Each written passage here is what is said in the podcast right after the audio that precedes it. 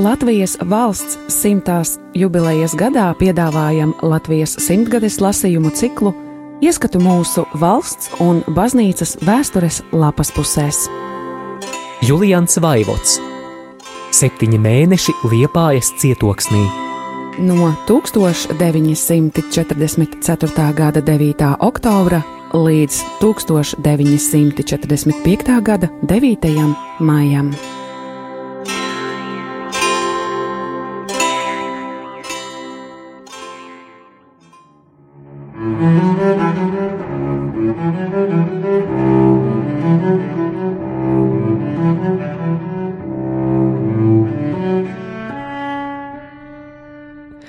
1945. gada 25. martā Friedrichs Vallišs 47. numurā Deutsche Zeitung im Ostland atstāsta šādu vēsturisku notikumu no serbu dzīves. Apmēram pirms 150 gadiem vienā Serbijas novadā valdījis ļoti nežēlīgs turks Aga. Viņam padotie serbi cietuši tik lielas pārestības, ka katrs lūdzis dievu, lai tas bargajam valdniekam ātrāk sūta nāvi. Tikai viena veca sieviete neteikusi neviena slikta vārda par bargo agu, un vienmēr vēl lūgusi dievu, lai tas viņam dod jo ilgāku mūžu un garāku valdīšanu. Aga caur saviem spiegiem labi zinājis, ko serbi par viņu domā un runā, zinājis arī vecās sievietes savādo izturēšanos, kura viņam izlikusies pavisam dīvaina. Tāpēc kādu dienu sēdies zirgam mugurā un jāiz savādnieci uzmeklēt. Pēc divu dienu ceļošanas viņš piejājas pie kādas būdas, kuras priekšā meklētā vecene vērpusi. Pamaģiboh, sveicināja sievieti Aga un jautājis, vai viņa to pazīst. Es nekad neesmu jūs redzējusi, bet cits nekas jūs nevarat būt kā Aga. Jūsu vārds un darbi man zināmi, atbildējusi sieviete. Ja mani darbi tev zināmi, tad tava izturēšanās man izliekas vēl jo dīvaināka. Visi serbi mani lāda un tikai nāvi vēlē, bet tu lūdz dievu par manu veselību. Saki, kāpēc tu to dari? turpināja Saga. Sieviete gan lūgusi atbrīvot viņu no atbildes, bet Aga, kas mērojas tik garu ceļu, katrā ziņā gribēja zināt, kāpēc sieviete to darot un apsolīs tai nekā ļauna nedarīt, lai arī ko tā teiktu. Tad sieviete sākusi skaidrot savu izturēšanos. Viņa savā garajā mūžā esot pieredzējusi laikus, kad pār serbiem valdījis kāds cits aga, kurš bijis tik bargs, ka visi viņa pavalstnieki lūguši dievu, lai tas viņam sūta ātrāku nāvi. Dievs lūgšanu uzklausījis un to valdnieku, kas bijis pašreizējā agas vectēvs, paņēmis bet pie varas nācis viņa dēls, un neviens serbs pat sapnī nebija redzējis tādas briesmas, kādas varējis pārdzīvot zem jaunā valdnieka. Viņš slepkavojas pat simtiem sieviešu un bērnu un izspiedis dzīvajam pēdējo naudas grasi. Atkal visi serbi lūguši dievam savas lūgšanas, lai viņus atbrīvo no nežēlīgā valdnieka, un arī šoreiz debesis uzklausījušas nelaimīgo lūgšanas. Aga, kas bijis tagadējā Agas tēvs, miris. Pie varas nācis viņa dēls, un šis esot daudz sliktāks par savu tēvu un vectēvu. Tāpēc vecā sieva vēlot viņam jo ilgāku mūžu, jo viņa pēcnācējs katrā ziņā būšot vēl sliktāks, ko viņa secinot no piedzīvojumiem. Aga, noklausījies vecās sievietes stāstu, nav teicis ne vārda. Viņš izvilcis maku ar zelta dukātiem un nosviedis to stāstītājai, bet pats domīgs devies ceļā. Daudzas tautas ir rīkojušās līdzīgi nostāstā minētajiem serbiem, un būdamas neapmierinātas ar saviem valdniekiem, lūgušas tiem nāvi vai pat viņus nonāvējušas. Cik ķēniņa un cari nav pirms laika aizgājuši no valdīšanas tāpēc, ka viņu pavalsnieki tos uzskatījuši par bargiem vai nemākuļiem. Lai nemeklētu piemērus citu tautu vēsturē, un tādu netrūks nevienā, atcerēsimies tikai mūsu valsts patstāvības pēdējos gadus. Vai nebūtu labāk, ja latvieši būtu sekojuši vecās sievietes paraugam, Vai šodien mums tā laika dzīves apstākļi neizliekas kā pasaka par leiputriju? Vai tie, kas mūsu valdniekam vēl dzīvam esot, viņa attēlu nesāja zārkā pa ielām, nenožēlo viņa valdīšanas laikus?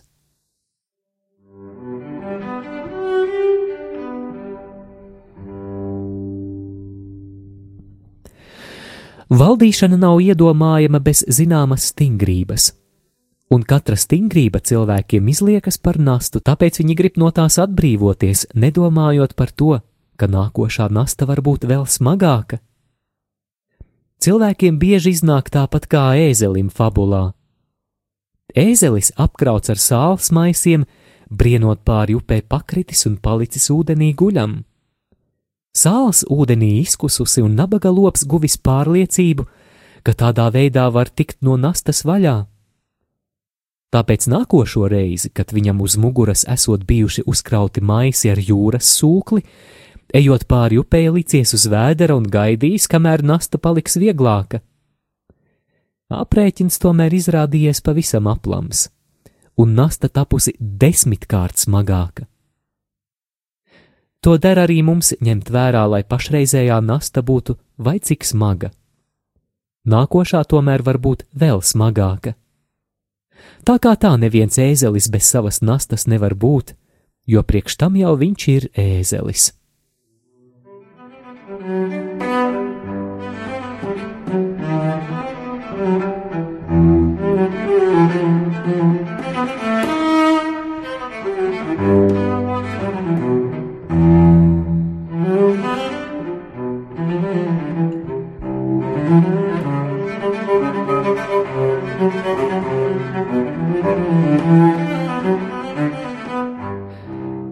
945. gada 26. martā. Jau trešā diena, kā iestājies īsts pavasaris. Saule cilvēkiem žilbina acis un ēd pēdējās ledus atliekas, kas vēl saglabājušās vienā otrā vietā. Strāzdi un citi agrie dziedātāji jau svilpo koku galotnēs un skatās pēc vasarnīcām jaunai sezonai. Pat mušas aiz loga saulītē atdzīvojušās un plēšas savā starpā, nevarēdamas kaut ko brālīgi sadalīt. Viņu kaujas mērķi tomēr liekas esam citas dabas nekā cilvēku, kuri cīņas karstumā pat pavasara tuvošanos lāgā negrib redzēt.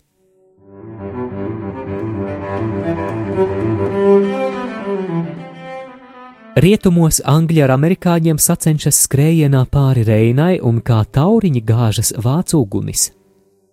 Krievi arī negrib būt savu sabiedroto noskrieti un saņemt to pašu algu visās cīņu vietās. Liepāju tie arī nav aizmirsuši, un, kā avīzes ziņo, jau trešo dienu cīnoties dienvidu austrumos no tās, ievadīdami sesto kurzemes kauju. Ciets viņiem ir šīs dievzemītes rieksts, un ja kāds varētu saskatīt kurzemītes frontē kritušo viņu karavīru zobus, skaitļi sniegtos daudzos miljonos. Šie miljoni gan ir ieskrambājuši cieto riekstu, bet pārkost tomēr nav varējuši. Nav sliktāki pretīkodēji.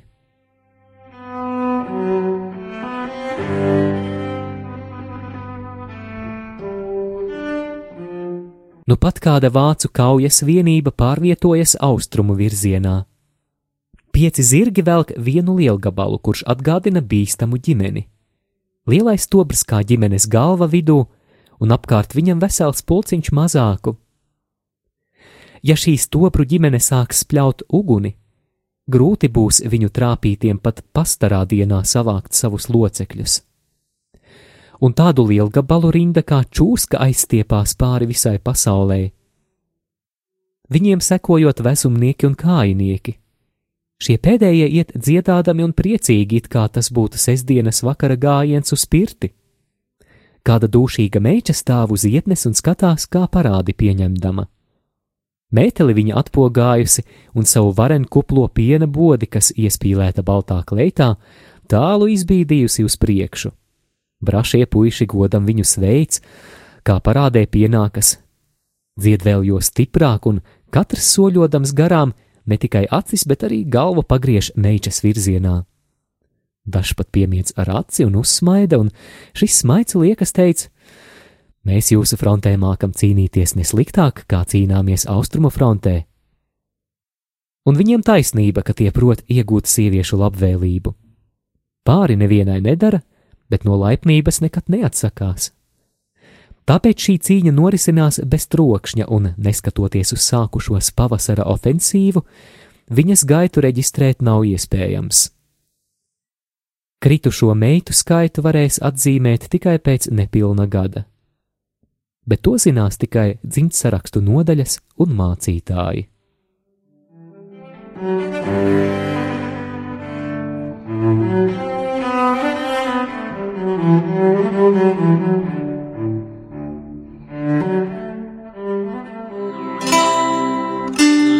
Radio Marija Latvija ēterā Latvijas simtgadēji veltīti lasījumi. Julians Vaivots Septiņi mēneši liepājas cietoksnī. No 1944. gada 9. oktobra līdz 1945. gada 9. maijam.